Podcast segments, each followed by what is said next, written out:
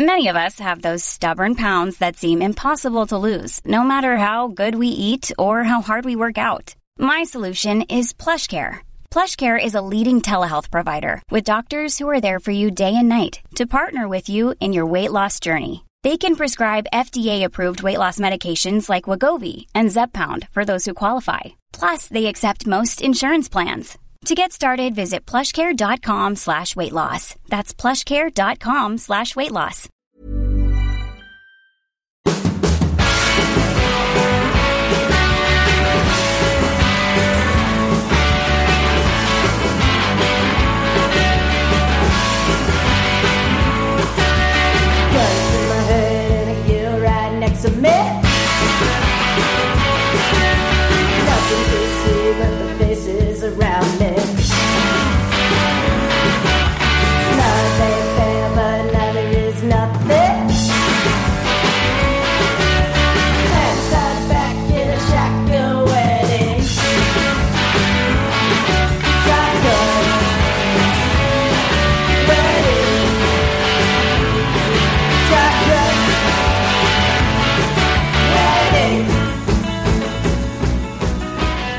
Välkomna till Indiepodden avsnitt 70. Anna Andersson och Jakob Fredriksson. Det är racevecka. Yes, äntligen. Som vi har väntat. Det har ju tagit en evinnerlig tid tycker jag tills det har varit dags att säga de där orden. Idag har vi en fullsmockad podd på gång och vi ska snacka upp helgens Indycar-premiär på Barber såklart och inför detta har vi pratat med samtliga svenskar som kör i helgen. Vi har alltså Felix Rosenqvist, Marcus Eriksson och Linus Lundqvist har vi pratat med. Och med oss som veckans expert har vi vår förebild Stefan Lill-Picasso Johansson. Hejsan. är, är, är det, känns det okej att kalla sig Lill-Picasso? Ja, det vet jag inte. Det är jag, jag tror jag föredrar Lillöver som jag måste ha något ökna. Känner inte mig riktigt, riktigt i samma liga som Picasso än, så jag ligger lite lågt där tror jag. Ja men säg inte det. Hur, går det med konstnärskapet? Har du, det har ju mycket nytt i webbshoppen har vi sett. Liksom, och mycket sociala medier. Du, har ju, du är ju produktiv nu. Ja, nej, det har varit... Covid har ju faktiskt varit rätt bra för mig, för jag har inte behövt resa någonstans på nästan ett år nu. Så att jag har varit eh, väldigt produktiv i studion och mycket nya grejer, nya idéer och sånt, så det har varit det är kul. Och Stefans konst hittar ni alltså på stefanjohansson.art och så anger ni promokoden Indiepodden vid utcheckning så får ni hela 20% rabatt där. Jag har förresten två Fine Art Prints på inramning, As We Speak, Lesmo 2 och Tosa. Jaha, toppen. Jag har Mulsan på inramning. Jaha, där ser man. Jättebra. Kul. Men vi ska ju prata lite Indycar idag då. Och eh, hur känner du Stefan som har gjort, du har gjort det här så många gånger nu liksom, nu är det snart premiär och så, men infinner sig fortfarande en viss typ av upprymdhet när det närmar sig premiär för dig än idag? Ja, det gör det ju absolut. Det är ju all, ny säsong är alltid lika spännande. Va? Vare sig man, när jag kör det själv eller när man, som jag nu jobbar med mina killar då, va? så är det ju alltid spännande och lite sådär lite ovisst vad som ska hända. Va? Och framförallt mer nästan nu än vad det var förr i tiden för att det är ju så begränsat med testning nu. Va? Så att man, det är ju egentligen svårt att veta var alla står. Va? Men uh, man kan ju säga att Indycar framförallt alltså blir, alltså varje år blir ju tuffare och tuffare. Indycar, det är ju så otroligt jämnt mellan alla team och bilar nu.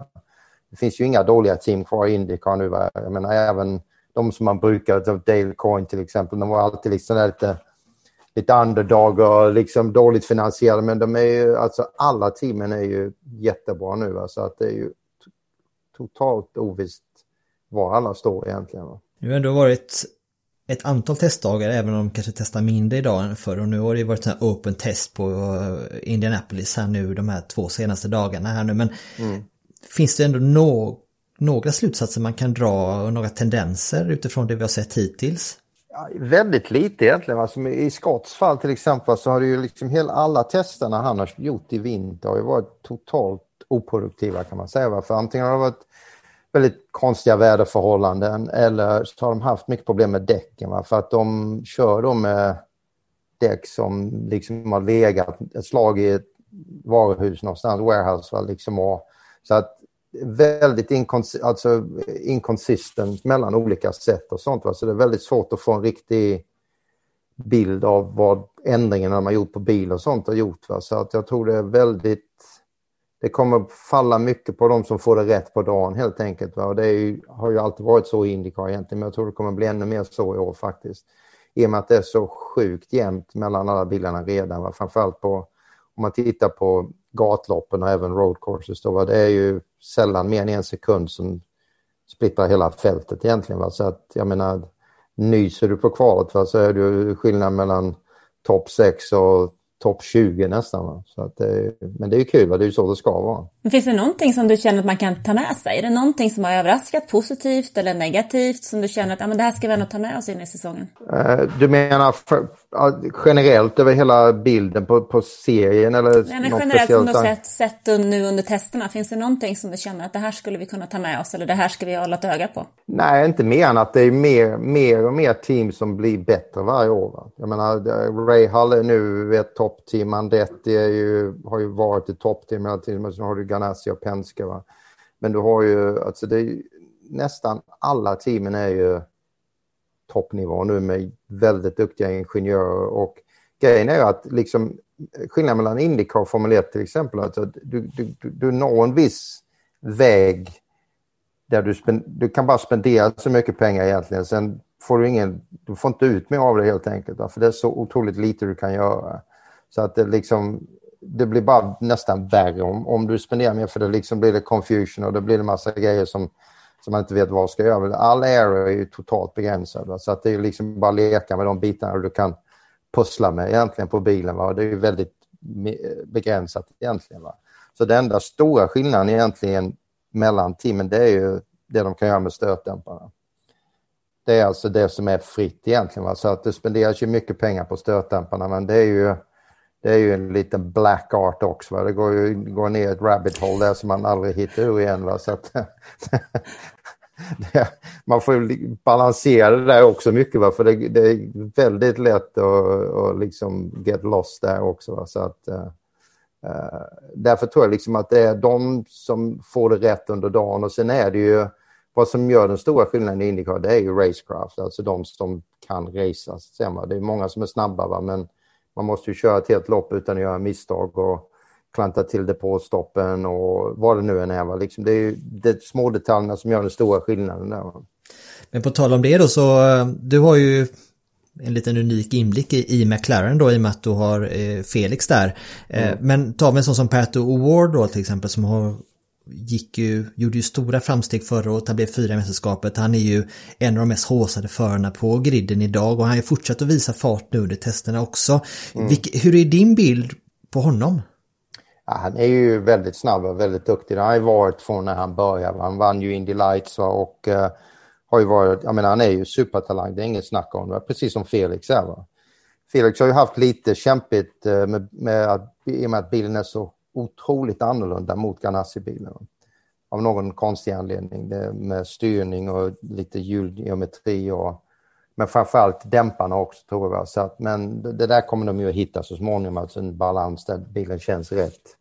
För Felix också, han liksom känner ju att bilen är snabb va? men det går inte att få ut det där lilla sista ur den. Va? För att det är liksom antingen, det, är en lite död känsla i bilen känns det så att det är liksom svårt att känna var, var gränsen är. Då är man lite grann under gränsen, då går det för sakta. Men söker man då no, sitta där på den här rakbladsspetsen, va, då, då är det lätt att gå över va, och då förlorar man ännu mer tid. Va, så att det, det är liksom att hitta den där rätta balansen, va, men det, det gör man ju förr eller senare. Va, så att. Men varför tror du att uh, McLaren är en bättre fit för Felix än vad Ganassi var? Vad är det som gör att det skulle kunna bli ännu bättre? Alltså de är, de är ju på gång. Va? De satsar ju otroligt. Va? De har ju otroligt mycket Eh, feedback från F1-teamet också.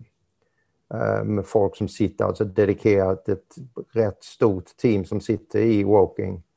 Uh, eh, och de har ju gjort mycket, alltså, vad ska man säga, simula simulation på bilen under testerna. Va?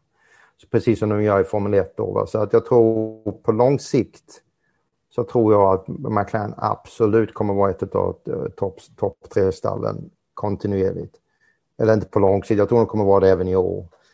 Um, och de har ju anställt de bästa killarna som finns i depån egentligen. Craig Hampton och många andra duktiga killar va, som verkligen liksom har vunnit massor med race och mästerskap under åren. Va, så att de vet, de vet vad de håller på med. Va. Så att eh, jag, jag tror McLaren kommer bli den kan, ja, det blir ingen överraskning för alla vet ju mer eller mindre att de kommer bli bra i år. Va? Så jag tror liksom att, men de kommer liksom stiga upp ett stort steg mot vad de var förra året. Även om de var ju bra förra året också. Men jag tror de kommer bli ännu bättre i år. Vi har ju ett år nu där både Marcus Eriksson och Felix Rosenqvist har eh, några år bakom sig nu. Detta blir ju tredje säsongen. Mm. vi har pratat om att det, det, är ju ändå som ett litet, är, är det ett make it eller break it år för båda två nu? För nu går ju Felix till McLaren som en rutinerad förare som ska, som ska vara där och matcha liksom och, och fightas om mästerskapet direkt kan jag tänka mig. Och Marcus har ju haft sin inkörsperiod nu här, gör sin eh, eh, tredje säsong då, andra säsong med, med Ganassi. Håller du med om det, att det är, det är lite, lite nu det gäller faktiskt för, för att sätta tonen för framtiden? Ja, det är det ju absolut och det är inget snack om det. Va? Men eh, jag menar som sagt, som Indycar är den typen av mästerskap. Va? Så om du tittar på alla killarna, liksom den enda det är egentligen bara en förare i hela serien som under de sista tio åren har alltid varit med och slagits om mästerskapet till sista racet. Det är Scott Dixon. Va? Annars är det ju liksom med Newgarden, de, de vinner ett år, sen är de sexa i mästerskapet nästa år. Och så det är ju så otroligt mycket små detaljer som spelar skillnad. Men alltså, som Felix förut, han vann ett race, men sen hade han ju många race som var riktigt dåliga. Va? På grund av otur, dålig timing pitwork, vad det nu är för någonting. Va? Liksom, och i, ett par fall var det också hans eget fel när han kraschade i Texas till exempel. och sånt. Va? Men det är sånt som händer. Va? Så att det, men det, det är ju det som är så otroligt kul med den här serien tycker jag. Va? Att det är så sjukt jämnt. Alltså. Att det, det är ju, alltså, att vinna ett Indy är ju 20 gånger svårare än att vinna ett F1-lopp. Även om du sitter i rätt bil. Alltså. Det är ju så otroligt många små detaljer som måste vara rätt för att du ska kunna vinna. Men på tal om små detaljer då, du säger att ja, Felix jobbar fortfarande med att försöka hitta den här sweet spoten i, i sin nya bil och du säger att det mm. fattas mm. lite fortfarande. Men med tanke på att du säger att det är så, så jämnt och så tajt här nu, hur, hur många procent snackar vi som han kan förbättra innan han själv känner liksom att ja men nu, nu är jag där. Eller hur många hundradelar eller tiondelar handlar det om egentligen? Eh, det kan inte vara så jättemycket ändå. Nej, det handlar om två tiondelar ungefär. Mm. Men det är ju alltså två tiondelar Indycar, det är ju åtta, nio placeringar normalt. Va? Så det är så jämnt är det, va? det är det som är så sjukt. Va? Så att du, liksom, du måste ju vara spot on hela tiden.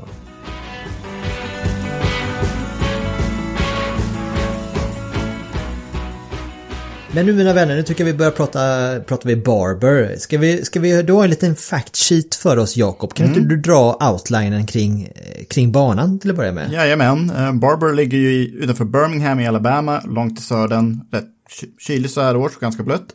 Men banan byggdes 2003 och den var då konstruerad för att leverera motorcykellopp. Så det var inte Indycar i åtanke när banan byggdes. Uh, första Indycar-loppet kördes då 2010. Eh, banan är 3830 meter lång, 16 kurvor, eh, men det är ganska snabba kurvor, de här 16. Eh, inga riktiga hårnålar eller så. Vi kommer köra 90 varv, vilket blir 345 kilometer, så det är ett väldigt långt lopp. Jag tror det är det näst längsta roadcourse-loppet på kalendern. Och varvrekordet har Will Power från 2016 på 1.08.276. Och det här varvrekordet tror vi kommer slås med råge i år eftersom banan är nyasfalterad. Eh, och eh, det visar sig att banan i, inte kommer slita lika mycket däck nu heller med så här helt fräsch asfalt. Eh, vi har fem stycken tidigare vinnare eh, bland de aktiva. Will Power har vunnit här två gånger, Ryan Hunter Ray har vunnit här två gånger. Joseph Newgarden har vunnit flest gånger, tre stycken eh, lopp har han vunnit här och sen har Simon Paginot och Takuma Sato vunnit varsitt också. Eh, fem gånger har Polesitten vunnit av de här tio loppen. Eh, Will Power är den som har vunnit från sämsta startplats. Han vann från nionde plats 2012. Och alla lopp här har haft minst en säkerhetsbil. Eh, flest var det 2011 med sex stycken.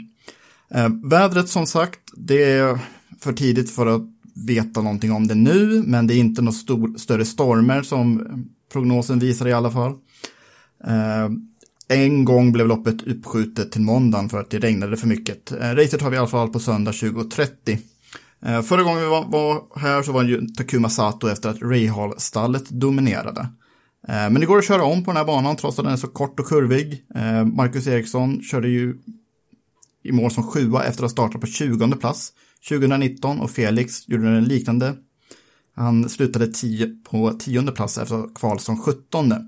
Så det här är en bana som de flesta, allra flesta gillar. Eh, Stefan, du har kört här, vill jag minnas. Jajamän. Vad tycker du själv om banan? En jättekul bana att köra på. Väldigt eh, klassisk roadcourse kan man säga med väldigt mycket rytm i, i körningen. Så här liksom flowing corners och sånt. Så att, och rätt så utmanande också. Generellt rätt bra racing också. Det, som säger, det går ju att köra om. Det är inte lätt att köra om det, men det går att köra om på ett par ställen. Va?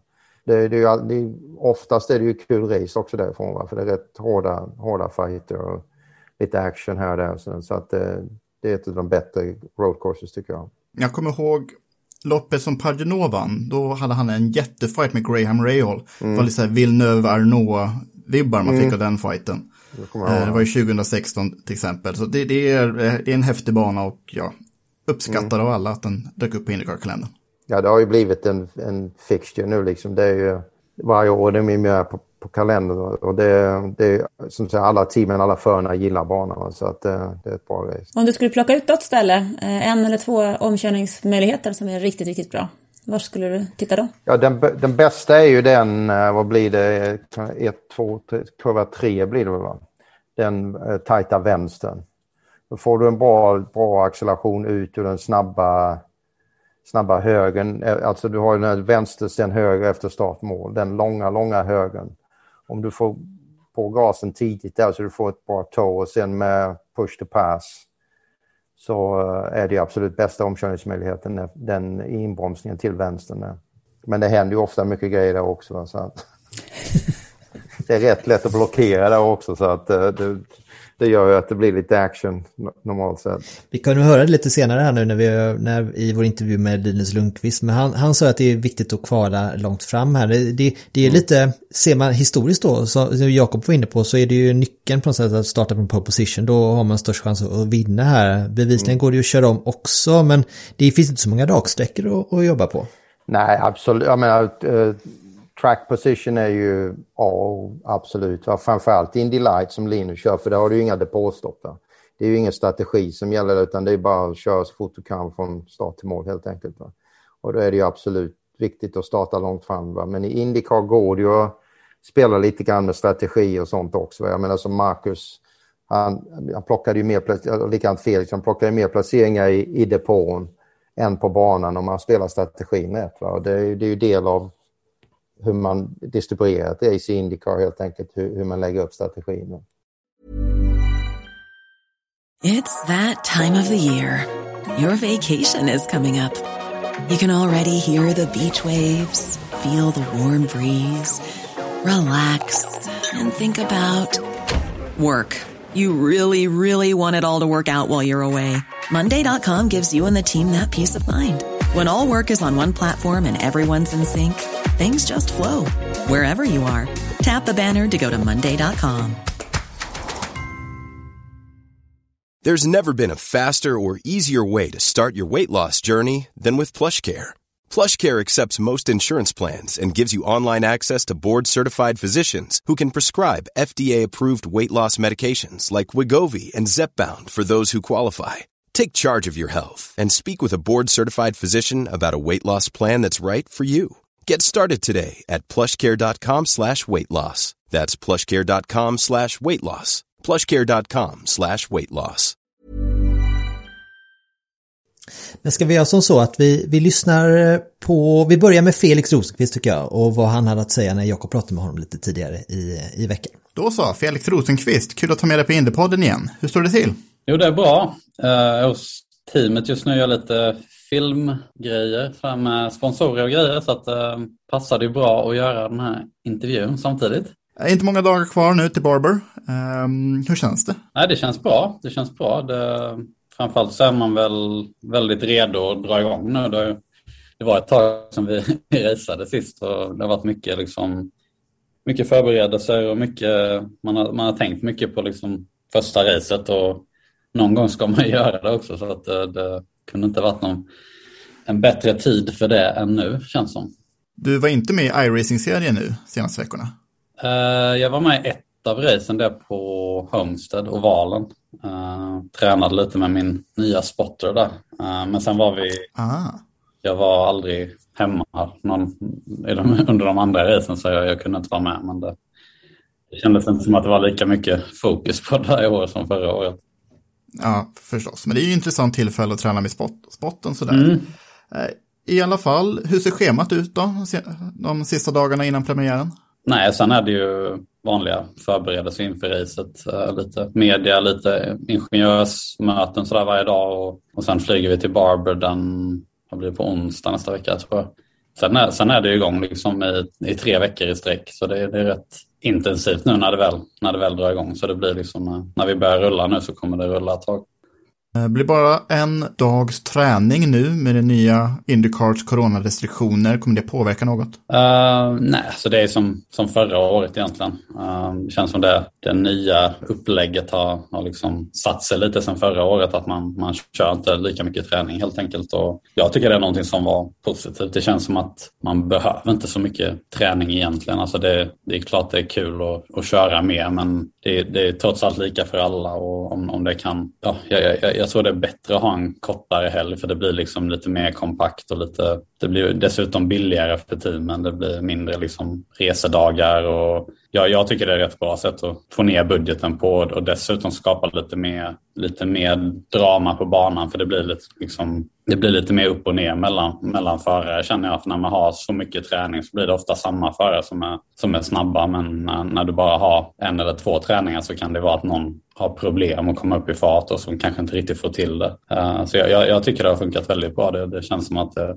man, man kommer till banan och sen jobbar man hårt och sen drar man hem istället för att liksom hänga i flera dagar. Det, det känns roligare på något sätt. Å andra sidan så vill vi publiken ha så mycket tid på banan som möjligt många gånger, men det finns väl supportklasser och så. Och nu kommer det ju vara lite publik under säsongen i alla fall. Men apropå pandemin då, kommer stallet delas in i olika bubblor liksom? Nej, det tror jag inte. Alltså nu känns det som att det är ganska liksom, de har lättat rätt mycket på alla, alla sådana grejer. Alltså alla har ju fortfarande mask och sådär men alltså vi är ju ändå, vi har ju egentligen bara liksom ett rum för ingenjörerna i, där, där vi jobbar med teamet så att vi, jag, jag tror inte vi har något så när jag körde för Ganassis var det att de delade upp det ganska mycket men de hade fyra trailers och vi har bara tre trailers så att det, det finns liksom inget rum för att dela upp saker men uh, det, det är nog lite mer individuellt från team till team hur man väljer att hur man väljer att göra. Liksom. Men eh, eh, nu har ju nästan alla vaccinerat sig i hela depån så att uh, det känns som att allt är lite mer liksom, fritt på det sättet. Ja, men det var ju bra att höra. Men eh, nog om det. Vad tycker du om själva banan då? Barber Motorsports Park? Eh, jag tycker den är cool. Det är, det är nog den, den banan som kräver mest commitment liksom, från ett uh, förarperspektiv. Framförallt på ett varv i, i kvalet. Det är väldigt mycket snabba kurvor. Uh, det är nog också den mest fysiska banan efter de asfalterade den uh, för två år sedan. Nej, jag, tror det, jag tror det kommer vara en riktigt tuff uh, säsongstart. Många som, många som har tränat väldigt hårt. Eh, det är, det är där vi kör. Vi testar nästan ingenting. Så att, eh, för att vara redo för första racet som dessutom är på den tuffaste banan så kräver det att man är i väldigt eh, god form. Och det, nej, det kommer bli en kul utmaning. Kul att se vad, liksom, hur folk kommer hantera det. För jag, jag tror det kommer bli liksom, nästan mer av en fysisk kamp än, än något annat i de, de sista varven under racet.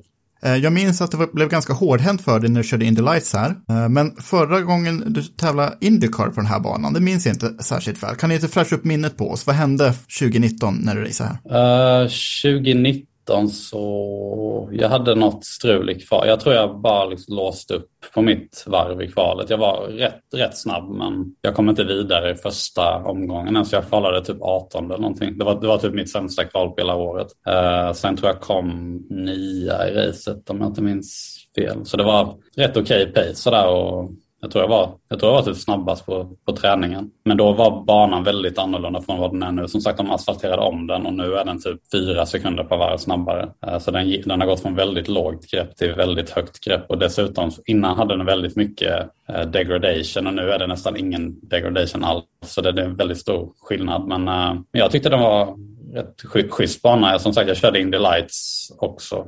Men jag, jag har nog aldrig haft några så här superresultat. Men det, det, det får vi ändra på. Jag kommer ihåg att du blev avknuffad av någon annan för under ett av Lightsloppen där, och därför jag nämnde det. Mm, precis. Men vem är din crew chief den här säsongen? Kan du inte berätta om honom?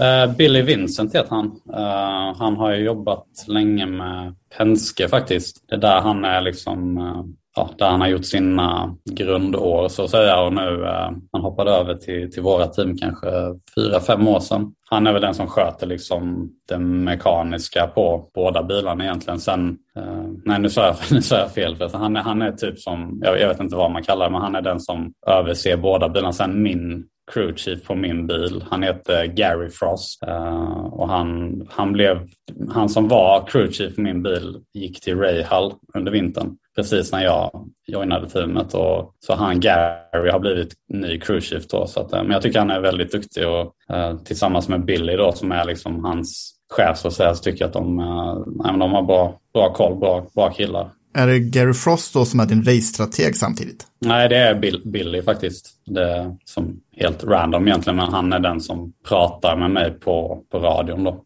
Men det här nya samarbetet då, har det gjort att det kommit några överraskningar för dig under testerna? Uh, lite. Bilen har varit förvånansvärt bra på valen tyckte jag när jag testade på Texas. Det kändes riktigt bra. Jag hade väldigt mycket confidence och kände liksom att jag tagit ett helt nytt steg där på något sätt. Eh, sen på roadcore kände jag lite tvärtom, att det, det, finns lite att jobba på när det kommer till liksom hur bilen passar mig. Eh, jag, jag brukar ändå känna att jag är ganska bra på att anpassa mig och liksom komma in i en ny miljö när, när det kommer till roadcourse. Men det, det kändes bara som att någonting stämmer inte riktigt. Så vi måste liksom hitta, hitta några detaljer för att liksom få lite mer körbarhet som, som passar mig. Då. Men bilen är snabb och det är inte det att jag varit långsam. Det är mest jämfört med min teamkompis som har varit lite efter. Då, för han har ju varit typ snabbast på, på alla tester det känns bra. Alla, alla vet liksom vad, vad det är vi behöver jobba på. Det kändes som vi var i, i Laguna så tog vi rätt många bra steg åt rätt håll. Men fortfarande lite, liksom, lite frågetecken på road course. Men jag, jag är inte jätteorolig över det. Det, det, det handlar ju också om att bara liksom, när man kört en race tror jag liksom att det mesta kommer att sitta.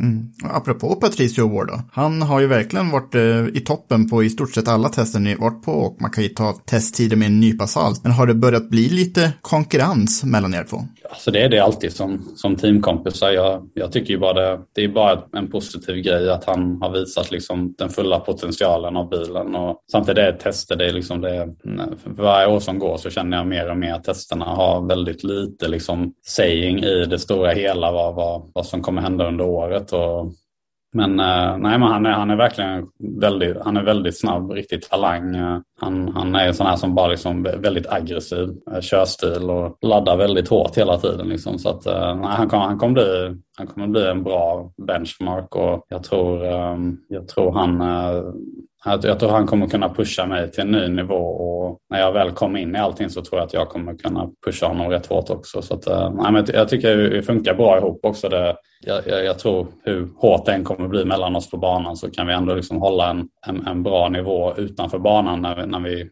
när det kommer till att liksom utveckla bilen och, och alla sådana grejer. För det är rätt viktigt när man är bara två bilar i teamet så, så måste man kunna jobba ihop. Liksom det, det, ändå, det krävs nästan lite i den situationen vi är att man, att man inte har några egotrippar och liksom att, man, att man inte döljer någonting för den andra och där, där känner jag att det, det funkar väldigt bra. Det låter bra det. Har han lärt sig något mer svenska? Nej, det har han inte. Han, eh, men han kan räkna till hundra. Det, det är rätt bra. Ja, men det är bra. Kan han uh, räkna varvtider i alla fall. Ja. Eh, men om, om vi tittar på resten av fältet då. Är det någon annan som liksom varit överraskande bra med de testerna? Alltså det, det har varit lite svårt att läsa tycker jag. Det har väl varit lite de, de vanliga som har varit snabba. Typ Rossi ser väl rätt stabil ut. Newgarden. Uh, sen McLaughlin har ju varit snabb på någon test och inte så snabb på någon annan. Eh, jag tyckte Texas var rätt intressant. Eh, där, där är varvtiderna mer eller mindre helt orelevanta med tanke på att det är slipstreaming då. Men eh, när man kollar på pacen som folk hade under när de körde kvalsimuleringar och även hur bra vissa bilar var i trafik så påminner det rätt mycket om förra året där både Penske och Andretti hade väldigt stora problem med, med degradation i, i trafik då. så det, det kommer bli intressant för där har vi två race. Jag tyckte våran bil kändes väldigt bra. Jag, jag vet eh, i och med att jag körde förra året, Ganassi-bilen är väldigt bra. Så det, ja, det, det kommer bli intressant. Eh, dubbelhelg där, eh, den, efter Barber St. Pete.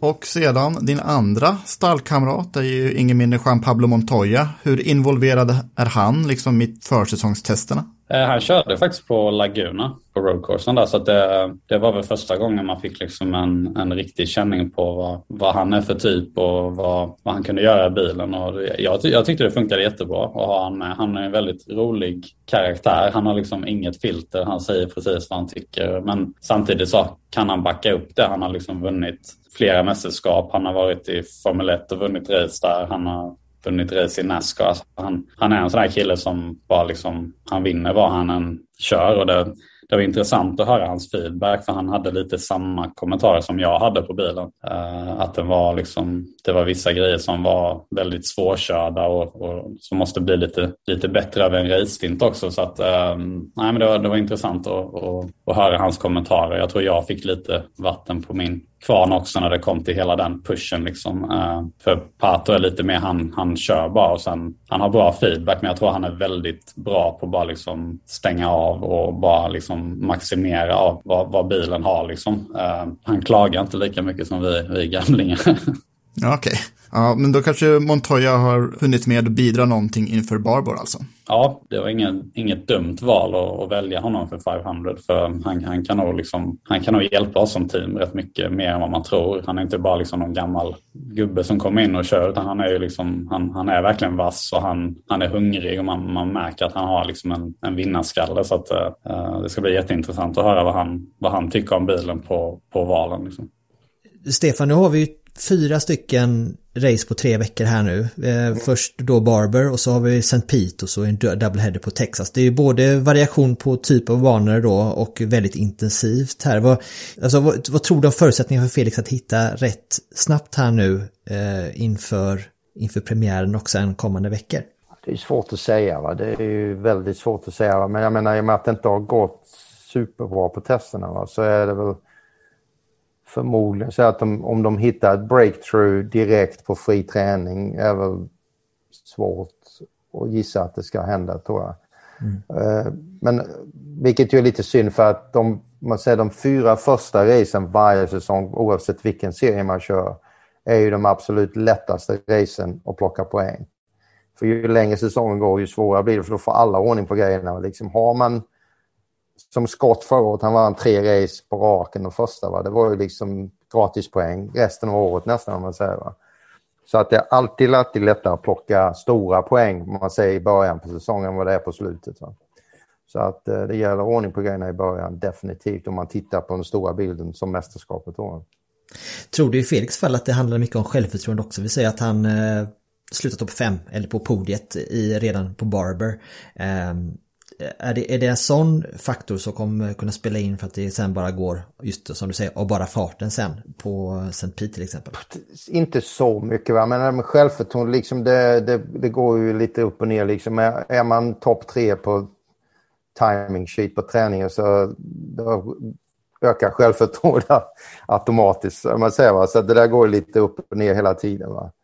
Men, eh, men, och sen en annan grej också, det är en sak att testa och sen när man racear en helt annan grej. Liksom när man testar då vill man att allt ska vara perfekt hela tiden. Va? Då känner man allting liksom, nej det där känns inte rätt, det där känns rätt. Så då måste man fixa, fixa, fixa hela tiden för att försöka få det precis som man vill ha det. Men när du kommer till racet sen, va? och även alltså racehelgen, då växer hornen lite grann. Liksom. Då är det bara liksom, då skiter man i det där. Då kör man så fort det går oavsett vad man har att köra med. Det liksom, då är man inte så bekymrad över att inte balansen är 100% rätt utan då är det bara en sak som gäller, det är att vara snabbast. Så att det där kommer, jag tror det där kommer ändra sig lite grann också just när det blir race mode om man säger istället för test mode. Det känns ju någonting som spelar Felix i händerna ändå för han är ju väldigt duktig på att vara snabb med att anpassa sig. Mm, det, absolut, han, är, han har ju rå talang som är helt fantastisk.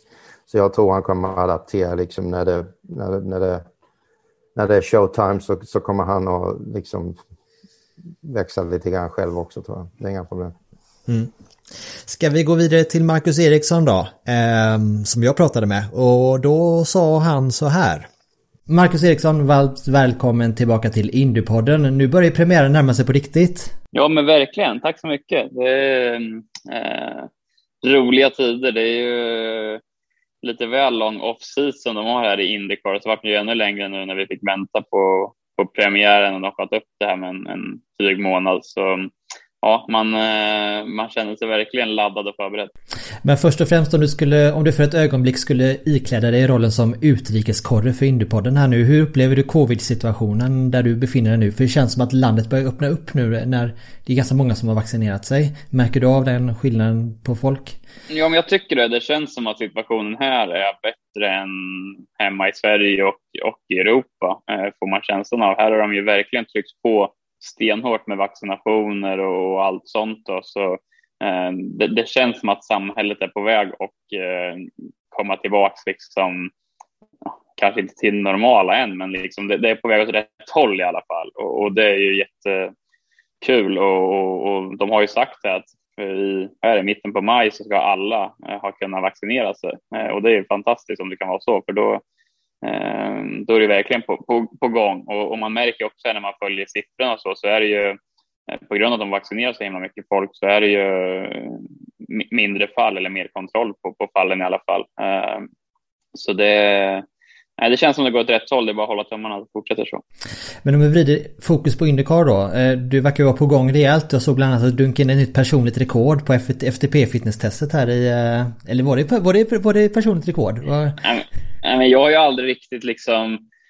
Eh, jag har alltid cyklat eh, lite grann liksom sporadiskt genom åren som, som träningsform, men inte riktigt så här uh, superseriös, utan det har varit lite mer när det är 25 grader och sol i Sverige ungefär. Då har jag åkt ut och cyklat. Så det har varit lyxcykling tidigare år, men sen förra året när det blev eh, corona och allt, det blev eh, lockdown och allt vad det var, då blev jag riktigt eh, cykelbiten. Så sen eh, ja, i fjol på våren där så har jag ju cyklat väldigt mycket och eh, det har ju bara trappats upp. Så, så nu i år så har jag eh, hade ett litet uppehåll i december när jag var hemma i Sverige, men sen från, från januari så har jag legat i och kört. Jag har cyklat eh, över 200 mil nu sen eh, januari. Så, så det är bra och då eh, jag gjorde ett sånt FTP-test när jag kom hit då, i början på januari och så gjorde jag ett igen för, ja, förra veckan. Då. Och det var ju en stor förbättring. Sen förstår väl jag och vet att det inte är så mycket om man jämför med de som är jättebra på att cykla. Men för mig var det kul i alla fall att se att, eh, att det var en stor förbättring och det är ändå det som är huvudsaken. Man måste ju liksom jämföra med sig själv. Så nej, det är kul att se att eh, allt slit ger resultat. Men 249 eller 250 eller vad du nu hade i, i 251. det är väl 251 till och med. Det är viktigt. men det, då är man ju, då är det ju, det är ju riktigt, riktigt bra fysisk nivå. Sen tror jag gissar att proffscyklister gör väl uppåt en 400 liksom. Men det, du är ju inte proffscyklist. Du är ju bara allmänt eh, jävligt vältränad. Så det, det är väl bra. Jag är en glad, glad amatör som tycker det är väldigt roligt. Men nej, jag tyckte också, jag var jättenöjd med det. Sen som sagt, eh, det kan alltid bli bättre, men eh, det är kul att se just utvecklingen tycker jag. Då, då blir man ännu mer taggad på, och träna så hårt som jag gör. Det handlar inte bara om fysiska förberedelser utan även mentalt och, och tekniska förberedelser. Hur, hur, skulle du sätta betyg på dina egna förberedelser överlag inför eh, säsongen? Men jättebra. Eh, så bra det kan vara skulle jag säga. Jag har ju varit här eh, i Indianapolis sedan början på januari. Jag var hemma tio dagar i februari var det va? Eh, annars har jag varit här från, från början på januari och liksom eh, hängt med teamet och tränat som sagt stenhårt. Eh, vi har haft en bra försäsong med våra tester, även om det är få tester nu för tiden i Indycar tyvärr. Men, men de vi har gjort har, har funkat bra. Jag tycker vi har hittat eh, saker som vi tror kan göra oss starkare som team. Eh, jag har jobbat hårt på, på mina grejer. Eh, och sen är det ju just det här som jag varit inne på rätt så mycket, att, eh, att gå in här i ett år två med, med, med samma team, med samma kärngrupp av människor. Eh, allt sånt betyder väldigt mycket eh, för alla, men, men framför allt för mig tycker jag. jag. Jag är en sån person som jobbar mycket med eh, personkemi och förtroende och relationer och sånt. Och när jag känner mig trygg och bekväm i det så presterar jag som bäst. Så för mig så, så känns det som en, en nyckel då. Så nej, det ska bli ska bli kul att dra igång för det känns som sagt som att eh, förberedelserna har inte kunnat vara så mycket bättre än, än vad de har varit. Ehm, ja, du, nu har ju varit inne på det förut att ni har jobbat mycket på att få ut max över ett, ett varv och det har ju gällt hela hela teamet egentligen. Men finns det några andra aspekter som ni har fokat, fokuserat på? Det var ju, ser man mot slutet av förra säsongen så anledningen till att till exempel Penske och Andretti han är, han är fatt rent fartmässigt det var ju oftast när det blir lite varmare till exempel. Eh, och är, det, är det något sånt som ni har tittat på också? Ja, det, vi har ju exakt kollat över, över alla områden vad vi måste förbättra. Eh, största fokus har ju varit eh, just kvalfarten eh, där vi har lagt ner mycket eh, tid och eh, ja, analyser och, och, utveckling på, på just det. Vi, vi tycker att vi har tagit framsteg där för att få igång däcken snabbare. Eh, sen har vi jobbat också med våran eh, liksom overall package, om man säger så, för att förbättra oss eh, i, i alla eh, förhållanden, om det är race eller kval eller varmt eller kallt och så vidare. Eh, men, eh, men huvudfokuset tycker jag ändå har varit som team och, och försöka få, få kvalfarten att vara bättre för att det, det var ju tydligt när vi analyserade eh, man behöver inte ens ha med mig den bilden, om man kollar på Scott och Felix från 2019 till 2020 så var det en stor för, försämring faktiskt i kvalprestationer eh, eh, från 2019 till 2020. Så, så därför så kände väl teamet att det är ett stort område som, som måste förbättras och eh, ja, jag tror och hoppas att vi har tagit sig där. När vi pratade med Scott Dixon här veckan eh, så nämnde han bland annat att eh, ja, din, er nya teamkollega eh, Alex Palour att han har en liten, hans körstil skiljer sig lite från hur du och, och Scott kör. Eh, finns det något där som ni som team har kunnat, har det finns några insikter som ni har kunnat hämta därifrån som har kunnat hjälpa teamet framåt här nu under försäsongen? Ja, men jag tycker det. Eh, som, som du säger, som Scott nämnde, så har ju Alex kommit in och har en, en lite annorlunda körstil mot mig och Scott. Jag skulle säga att jag och Scott kör rätt så likt eh, på, på alla typer av banor egentligen. Så, så vi har oftast väldigt lika preferenser med setupen. Vi går oftast åt väldigt lika håll eh, och, och gillar eh, eh, likadana bilar om man, om man, kan, om man kan säga så. Eh, men, men Alex har kommit in med, med en rätt så annorlunda körstil som, som kräver lite annorlunda inställningar på bilen och, eh, och det tror jag både jag och Scott har kunnat dragit lite nytta av och, och liksom kunnat eh, ja, eh, fått lite idéer av det. Och sen tror jag som team också, han har haft rätt så bra teknik på hur han får däcken att komma in i, i fönstret för, för sina kvalvarv och, och det tycker vi att vi har kunnat snappa upp lite och, och dragit lite nytta av. Så, så det finns alltid det som, som alltid i den här sporten så kan man alltid lära och hitta saker och det är det som är så kul med, med teamkamrater också, att, att eh, alla förare är olika eh, och jobbar på olika sätt och kör på olika sätt och, och man kan alltid snappa upp eh, någonting. Så nej, jag tycker att det har varit eh, positivt att han har kommit in och, och rört om lite i grytan. Och till helgen bär det av till eh, Barber som sagt. En bana som föll bort från kalendern förra året eh, på grund av covid-19. Men en plats ni har testat jättemycket på här nu. Hur känns det? Du gjorde ju ett eh, väldigt spektakulärt race 2019 till exempel. Själv, du kör upp det från 20 till 7 där. Du trivs ju som fisken i vattnet där. Hur skulle du beskriva banans karaktär? För den är ju väldigt speciell ändå. Kanske för att den inte är byggd som en F1-bana utan de har kunnat ha utrymmet att göra lite vad de vill där. Ja, den är ju en speciell bana. Eh, hela anläggningen är lite cool. Där det är någon, någon motorfantast som har byggt den mitt ute i Eh, i, i skogen där med allt möjligt konstigt på området och lagt ner mycket pengar. Ett stort museum bland annat. Så det är väl det största i hela USA tror jag, eh, motor, motorsportmuseet eller något liknande. Eh, så, så själva anläggningen är det ju inget fel på och sen just banan tycker jag är om man ska ranka över hela kalendern så är den en av de svåraste och fysiskt tuffa banorna på, på kalendern. Den mycket snabba kurvor och kurvkombinationer som kräver väldigt mycket eh, aggressivitet och commitment när man kör. Eh, det går liksom inte att finköra runt på den banan. Eh, det går väl knappt att göra någonstans i en Indycar-bil i och för sig. Men, eh, men just den här banan krävs väldigt mycket eh, aggressivitet och eh, av nästan vilja för att vara, vara, vara snabb på. Och den är väldigt väldigt fysiskt jobbig, speciellt nu när de har asfalterat om den och så greppet är ju eh, väldigt mycket högre än vad det var 2019. Eh, men med allt det sagt så är det en bana som som du var inne på där jag hade ett av mina absolut bästa race eh, under mitt debutår. Eh, var ju på just Barber, eh, gjorde en jättebra tävling och eh, nu har vi testat två hela testdagar där i vinter och eh, de två testdagarna har också funkat väldigt bra för, för, för min del. Då. Så Eh, jag tror att det är en perfekt bana för mig att, starta säsongen på. Det är en bana som annars har dominerats av Penske. De har ju vunnit sex av tio gånger sedan 2010 då när de började köra där. Eh, ingen Ganassi högst upp där men eh, Scott har ju varit nära ett antal gånger. Eh, vilka blir nycklarna för att bryta den trenden i år och vad är egentligen Du sa du var inne på det i och för sig förut om att man får Det är mycket vilja runt den banan men vad är, vad är den viktigaste nyckeln anser du för teamet i år för att vara snabba där?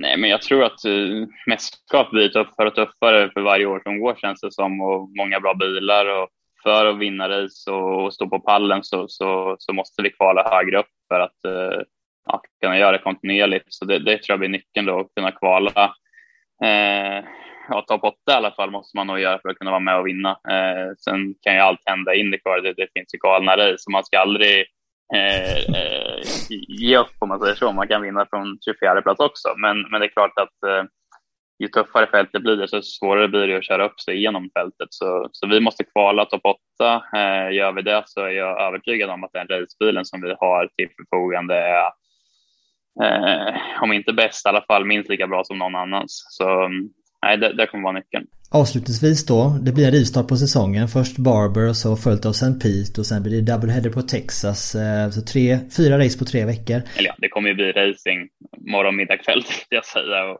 och full fokus på det och liksom all, all eh, prioritet ligger, ju på det. Så det blir en intensiv säsongstart men, men väldigt viktigt tror jag. Det, det, det kommer ju vara en, en eh, förhoppningsvis lång säsong med många race, men det är ändå Indycar. Det gäller att vara med från start och få en bra start på säsongen, för det, eh, det tror jag är nyckel, eh, nyckeln för, för en bra säsong. Så de här första tre helgerna med fyra race kommer verkligen sätta tonen för resten av året.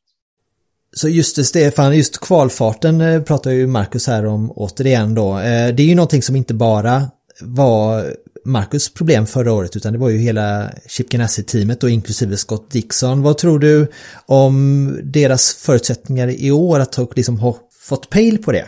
Jag inte, ärligt talat är jag inte super confident att de har fått rätt, alltså koll på det där egentligen. Va? I och med att, som jag berättade i början när vi snackade, att omständigheterna har inte varit bra för att kunna liksom nice. hitta maximalt på det. Va? De har haft problem att få däcken att liksom värma upp och sånt. Va? Så att jag tror delvis på grund av väderförhållanden, delvis beroende på konditionen på banorna när de testar och sånt. Va? De valde ju lite annan teststrategi än de andra teamen i år. och testade just på de banor de kände de var svaga på förra året. Va? Men så när de testade på Laguna Seca till exempel, det var ju som att köra på en isbana nästan. Va? Så det var ju liksom två dagar totalt bortslängda nästan, som inte hade någon nytta av egentligen. Så att eh, jag vet, eh, jag tror inte det är 100 procent att de har fått liksom riktig koll på det där om man ska vara ärlig. Anna, du pratade ju lite om, om, om det förut, huruvida det är bra eller dåligt att de har utökat teamet med ytterligare en, en bil i år. Ja, alltså det där är ju en uh, fråga man kan ställa sig. Vad gör man? Alltså fyra bilar ger ju naturligtvis mer data. Men kan man fokusera på samma sätt på fyra bilar samtidigt? Det är ju en eh, intressant fråga att ställa tycker jag. Vad tror du Stefan? Alltså det är ju alltid en balansgång det där. Indycar har ju trenden varit nu mer, mer och mer bilar. Va? Penske har ju kört fyra bilar rätt länge va? och nu tre va? Eh, hela tiden. Andretti är upp till fem och sex bilar till och med på Indy vissa år. Va? Eh, du får ju mer data självklart, men samtidigt så är det ju självklart en strain på resurserna inom teamet. Va? Liksom, eh, men å andra sidan, liksom, de har ju, i och med att eh, de har lagt ner sitt, eller la ner sportvagnsprogrammet då, så gick ju många av de killarna till Indy-teamet. Sen fick de ju ett sista minuten i sportvagnsprogram igen. Så att, eh, men eh, det, det, det svåraste är personal helt enkelt. Va? Det är resten är inga problem, men att hitta personal på rätt kvalitet helt enkelt, det är det svåraste. Så att, eh, och just få hela det där teamet att funka ihop då med depåstopp och hela, alltså kemin inom hela gruppen där som jobbar på bilen också är ju viktig. Va? Så att, eh, det är det Scott har haft som styrka. Han har ju haft samma killar i hur länge som helst. Va? Så att liksom, de kan ju sin del allihopa väldigt väl. Va? Så det är inga problem där. Va? Men eh, det tar ju alltid tid att få ihop ett vinnande team. Jag pratade också med, med Felix eh, i veckan eh, och han sa det att han trivdes nog eh, mycket bra med det här att de bara är två bilar som kör hela säsongen hos McLaren, att det passade för honom. Tror du att det kan vara skillnad där också?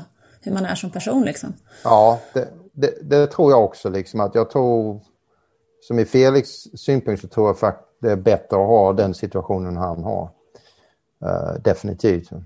Det är inget snack om det. Eh, och jag tror Patte och han kommer bra överens. Va? Liksom, även om de inte gillar bilen likadant, vilket ju är lite problematiskt. Va? Att de inte eh, kan köra med samma setup. Va? Men, eh, men rent alltså, personligt och så, så är det ju... Han älskar ju kemin i teamet. Va? Det är mycket yngre killar också hela tiden, va? så de är hungriga liksom, och de har inte vunnit än. Så alla vill... Liksom alla är taggade som tusan för att det ska liksom bli resultat. Va? Så att, så jag tror Felix gillar den miljön. Han känner att han är liksom mer del av hela teamet. Om man säger. Jag tror att det här med kontinuitet är ett tidlöst recept för att bli framgångsrik i Indycar. Eh, det har man ju hört även från stories från 80-talet eh, som väl nu och man kunde ju höra det lite på Felix ton när jag frågade liksom eh, på frågan om vem som är hans crewchief att den tänkta crewchiefen blev ju uppsnappad av, av ett annat stall. Det kunde man lite utskönja av hans ton där, att stallet var inte helt nöjda med det. Men det, det är ju ett bra stall som har, har han har runt omkring sig. Det är ju McLaren för tusan. Mm. Någonting som Marcus sa under intervjun var ju också att eh, tag som Alex Palou då i år är ju, har ju en lite annan, ett annat sätt att köra på än både Marcus och Scott egentligen. Eh, mm. Kan du ibland, du sa det att ja, Pato och, och Felix har ju kan vara lite problematiskt för de har lite olika sätt att se på att köra till exempel och sådär. Men mm. när man har ett team som Ganassi här nu där det är upp, ja, fyra bilar då som kör samtidigt. Kan det då vara faktiskt bra att det är en förare som, som eh, Paludo här i det här fallet som kanske kan ge lite annan input som de andra kan snappa upp faktiskt för att just knäcka koden kring till exempel hur man värmer däcken inför ett pushvarv till exempel. Mm, absolut. Ingen tvekan om det. det är alltid, ja, Scott har ju alltid varit bra på det. Att han, liksom, vilka stallkompisar han än har. Så tar, det tar lite tid innan liksom, han, han lyssnar, lär och, och studerar hela tiden. Va? Liksom, det är alltid något man kan lära från någon annan förare så fram och tillbaka. Va? Så att eh, jag tror på, på sätt och vis är det nog rätt bra att eh, Palou har kommit in. För han har ju, han har ju erfarenhet från andra serier också. Va? Och det är, jag menar, Indycar har sitt sätt liksom. Va? Och det är inte nödvändigtvis det bästa sättet. Va? Det finns säkert en som Superformula Japan där Palou körde innan. Det är ju en fantastisk serie. Va? Superkompetitiva och jävligt avancerade bilar. Och eh, just med hela den här däcksituationen. För däcken är ju liksom... Det spelar ingen roll vilken kategori du kör nu för däcken är nyckeln till... Liksom, kan man unlock liksom den där koden på däcken, hur man både sparar dem och får dem och värma upp på rätt sätt så är det ju liksom, det är guld. Va? Det, är det, det är det mm. viktigaste av allting nästan. Det svarta guldet. Mm. Ska vi ändå, nu när vi ändå har fått upp så skön fart här nu, ska vi ta Linus Lundqvist också, vad han tycker om inför helgen här på Barber. Vi har än en gång fartvidundret och taekwondo-mästaren från Tyresö med oss. Linus Lundqvist, det är racevecka. Jajamän, ja men eh, tack. Kul att vara tillbaka. Eh, som du säger, det är racevecka. Det, det här har man väntat länge på, på att säga, om man säger så. ja, förra veckan hade ni ju ert enda förutsäsongstest på Barber då. Första sessionen satte du inofficiellt banrekord och så i andra sessionen så var det två efter din teamkamrat David Melukas då. Kan du berätta om testet ur ditt perspektiv? Ja men eh, det var ett, jätte, ett jättebra test från, från vår sida. Som sagt, jag tror vi vi alla, vi alla går in liksom i våra, våra tankar och strategier om hur vi, vi ska utföra det och gå igenom våra setuper och så vidare. Och jag tyckte att vi, vi gick igenom alla våra checklistor, så det var skönt att börja med. Det var inga bekymmer. Och sen såg det även bra ut tidsmässigt. Um, sen vet vi också, även när vi, vi har varit med i det här spelet tillräckligt länge, till, för att veta att man inte ska dra för stora slutsatser av ett test. Men oavsett så är det alltid roligt att vara snabbast. Eller det är en, en långsammare om man säger så. Men eh, som sagt, vi vet att det är fortfarande mycket jobb framför oss och eh, det är ju pusha hårt den här veckan också och försöka komma så väl förberedda som vi kan då till, till racet. Det pratas ju en del om sandbagging och sånt där till exempel i Formel 1 och att man liksom mörkar korten lite så. Men finns det egentligen utrymme för att göra det i en serie som In the Lights till exempel när man har ett testtillfälle bara? Nej, inte på samma sätt skulle jag säga. Det är klart att du, du vill ju också se lite vad, vad du kan gå för och så vidare. Och så, eftersom vi bara hade ett testtillfälle också det innebär ju att man, och det är på samma bana som vi kommer tävla på också, så vill man gärna se lite vad, vad det kan gå för. Men eh, som sagt, man vet aldrig. Man ska aldrig dra för stora växlar för ett test heller. Men eh, som sagt, ge det, ge det ett par dagar till så kommer vi få se efter första kvalet. Barbertestet var ju liksom ett styrkebesked även utifrån teamets eh, perspektiv som helhet då. Ni har ju fyra bilar i år. Eh, och, men hur, hur, vad sa teamet efter, hur ser den analysen ut? Mm, nej men vi, vi sa att vi, vi var nöjda. Det var ett positivt test från, från verkligen liksom från teamets sida. Och det visar verkligen liksom det hårda jobbet som jag vet att de har lagt ner under vintern och även jag själv Eh, på att försöka få, få bilen och själv i, i så bra form som möjligt. Eh, så det är kul att se att det, det i alla fall har gått åt rätt riktning. Sen får vi se hur, hur bra det har varit när vi kommer till racehelgen. Men som sagt, teamet var nöjda också och vi gick igenom alla, alla de ja, setuper som vi ville göra och ja, dubbelkolla lite så att vi, vi stod på, på bra mark. Och, men eh, som sagt, det, det kan ju ändras under racehelgen också. Men jag tror att vi känner oss ganska, ganska bekväma ändå nu när vi går in i racehelgen. Hur ser du nu när du fått bekanta dig mer med dina tre, tre teamkamrater? Det är väl Lukas, Benjamin Pedersen och så Nikita Lastorskin då? Ja, först och främst måste jag berömma dig för ditt uttal för Nikitas efternamn. Jag själv har problem med det. Va, va, så, va, ja, Okej, okay. utbilda mig. Ah, nej, nej, nej, utan tvärtom. Det är du som ska utbilda mig. Jag, vet, jag kan knappt uttala det nämligen. Och jag tyckte att du fick till det så jäkla bra. Men jag lärde mig av Jakob förra veckan, men jag tror att vi, han resonerade sig fram till att ja, Lastorskin borde väl det väl vara, alltså, så att jag har mest bara repeterat in det. Men å andra sidan så hade vi en lång diskussion kring eh, om Scott McLaughlin skulle vara McLaughlin eller McLaughlin, så att det är, det är en jäkla djungel det här. Ja, jag vet. Och det, jag kan säga att ens egna namn har ju också kommit på eh, ja, på villovägar borta i USA. Eh, det är inte det lättaste för amerikanerna alla gånger heller. Men, eh, nej, men jag tycker teamet fungerar väldigt bra. De, ehm, som sagt, både David och Benjamin känner jag ju, känner jag ju sedan tidigare. Från förra året där jag var i teamkamrat med Benjamin och Malukas blev ju, blev ju tvåa i mästerskapet. Eh, utan det är Nikita som, som är den nya. Men han är avslappnad, ganska rolig att ha med att göra. Kanske inte den här klassiska ryssen som man ser sig framför sig. Så, så det var ju kul. Nej, men eh, jag tycker vi funkar bra ihop. Speciellt liksom nu, nu på test och även alla de försäsongstester vi har gjort så har vi ju ändå varit ganska nära varandra, kanske speciellt jag och David och vi har pushat varandra och lärt oss lite av varandra. Så det ska, det ska bli intressant att se nu under säsongen. Vi i podden utsåg ju Andrettis, Andrettis Kyle Kirkwood som din främsta konkurrent då om mästerskapet här i förra veckan. Men David Malukas eh, och du fightades ju eh, i Formula Regional Americas förra året då. Då tog du tag i taktpinnen och liksom behöll, du släppte ju aldrig den.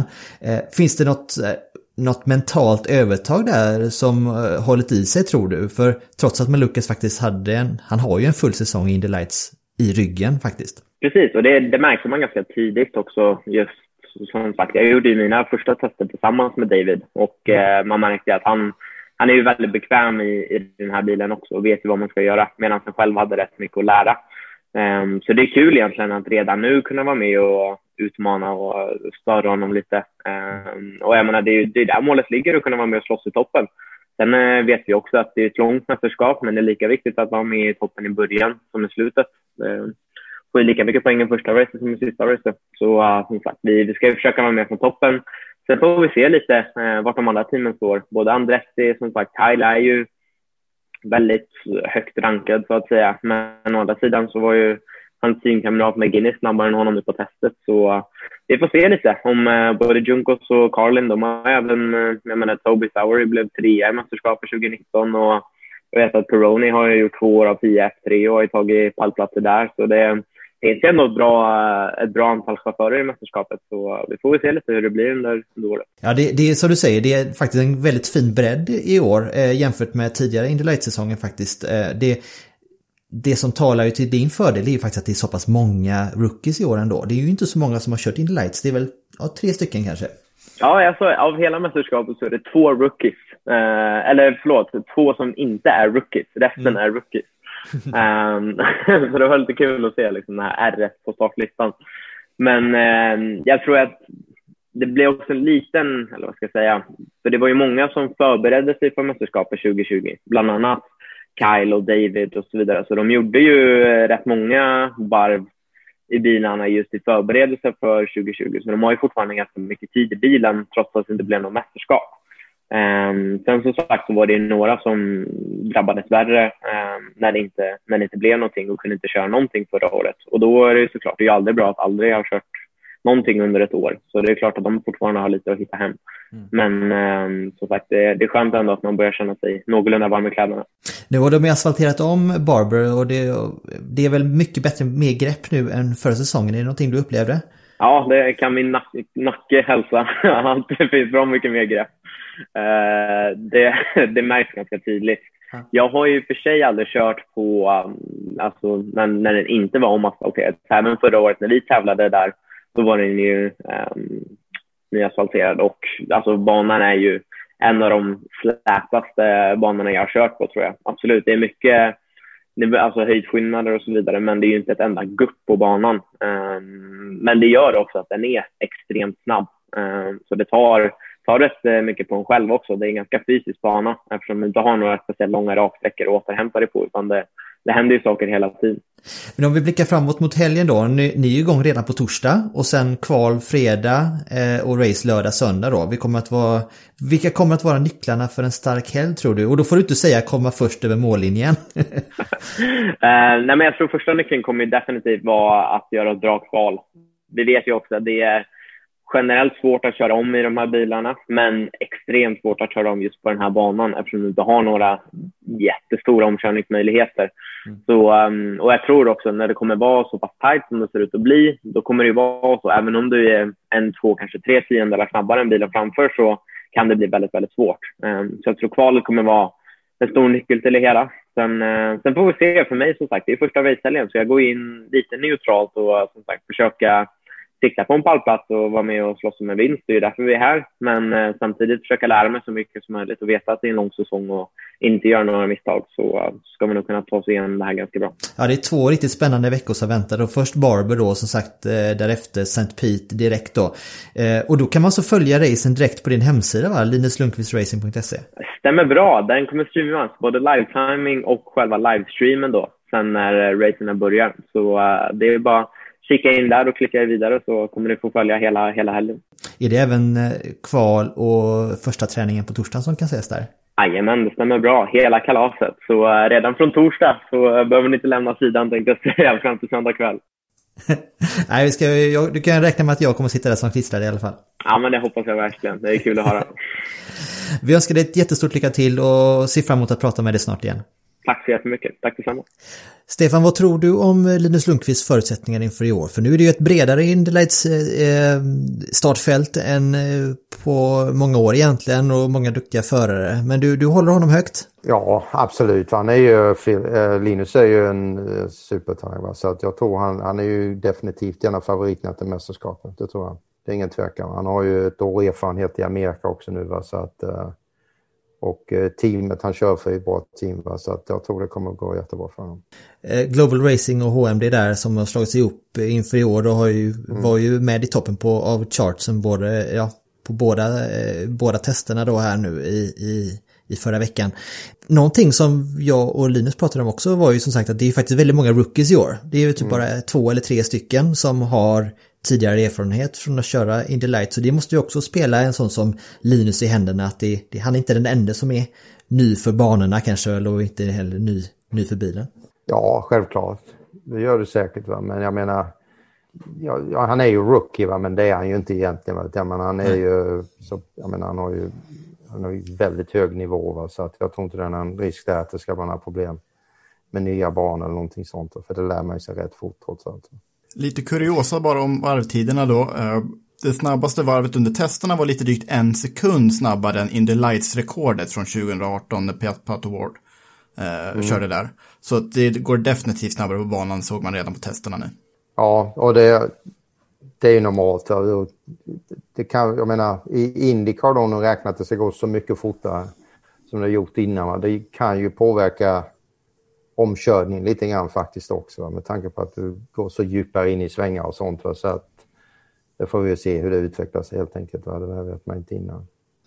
Stefan, vad tror du om, eh, nu har inte Rasmus någon eh, fast eh, i Indy Lights i år, men vad, vad skulle du säga om procentuella möjligheten att vi får se honom åtminstone ett par race i år? Vad, vad tror du om, om den möjligheten? Vi hoppas ju det. Va? Det är ju svårt. Liksom hans, den budget han hade försvann ju förra året tyvärr men när, när det stannade. Då, så att vi, vi har ju haft lite tufft att få ihop den budget som krävs för, för en hel säsong i Indy Lights. Va? Men han har ju i alla fall en styrning i, i sportvagn, i prototypen nu, vilket gör att han liksom håller sig i trim i alla fall. Va? Gör ju ett jättebra jobb där hela tiden. Va? Så att vi har faktiskt rätt mycket förfrågningar nu om olika stall som vill att han ska köra för honom både i Europa och lite överallt. Så att, men självklart är ju målsättningen fortfarande att, köra Indy Lights.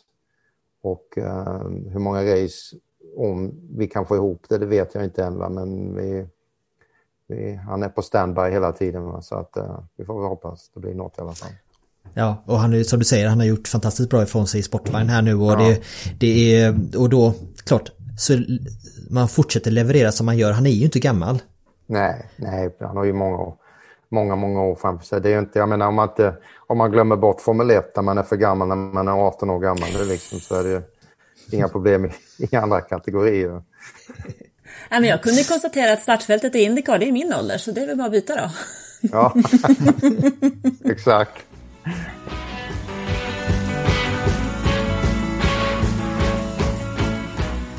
Nu tänkte jag som så här, det är alltid vanskligt att tippa.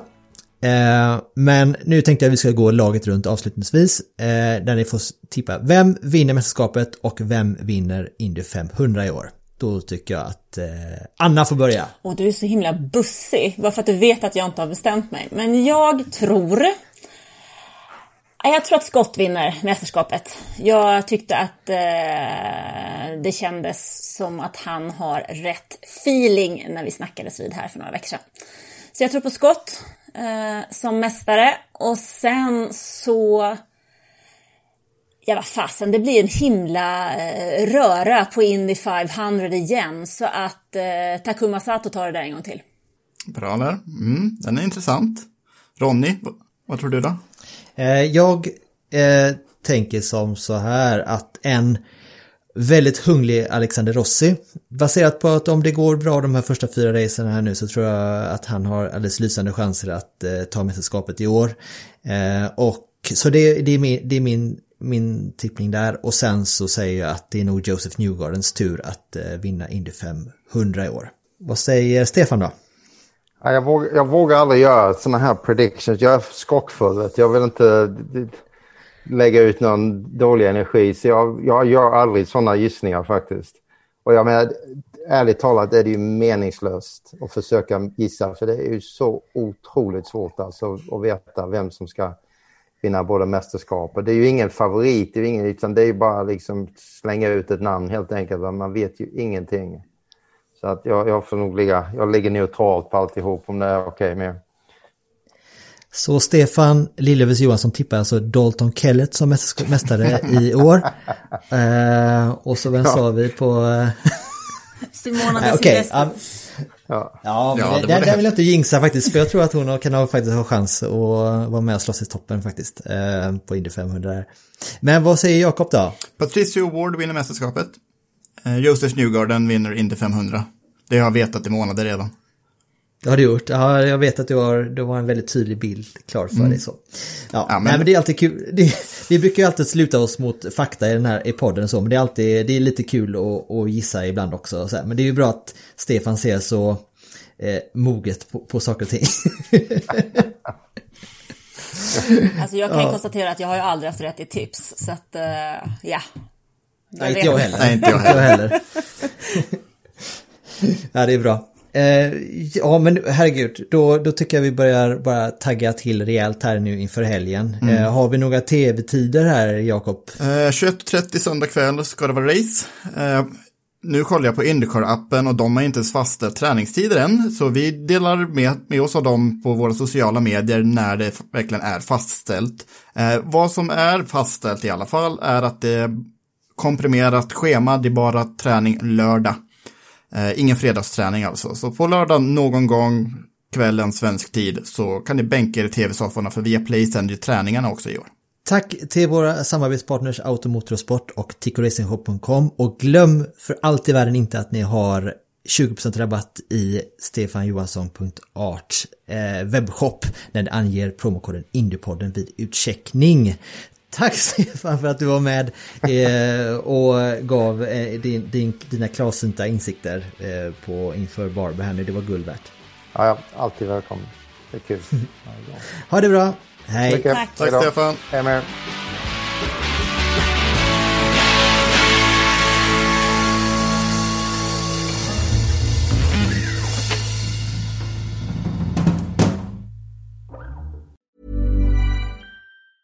Normally, being a little extra can be a bit much, but when it comes to healthcare, it pays to be extra. And United Healthcare makes it easy with Health Protector Guard fixed indemnity insurance plans. Underwritten by Golden Rule Insurance Company, they supplement your primary plan, helping you manage out of pocket costs without the usual requirements and restrictions like deductibles and enrollment periods. So when it comes to covering your medical bills, you can feel good about being a little extra. Visit uh1.com to find the Health Protector Guard plan for you.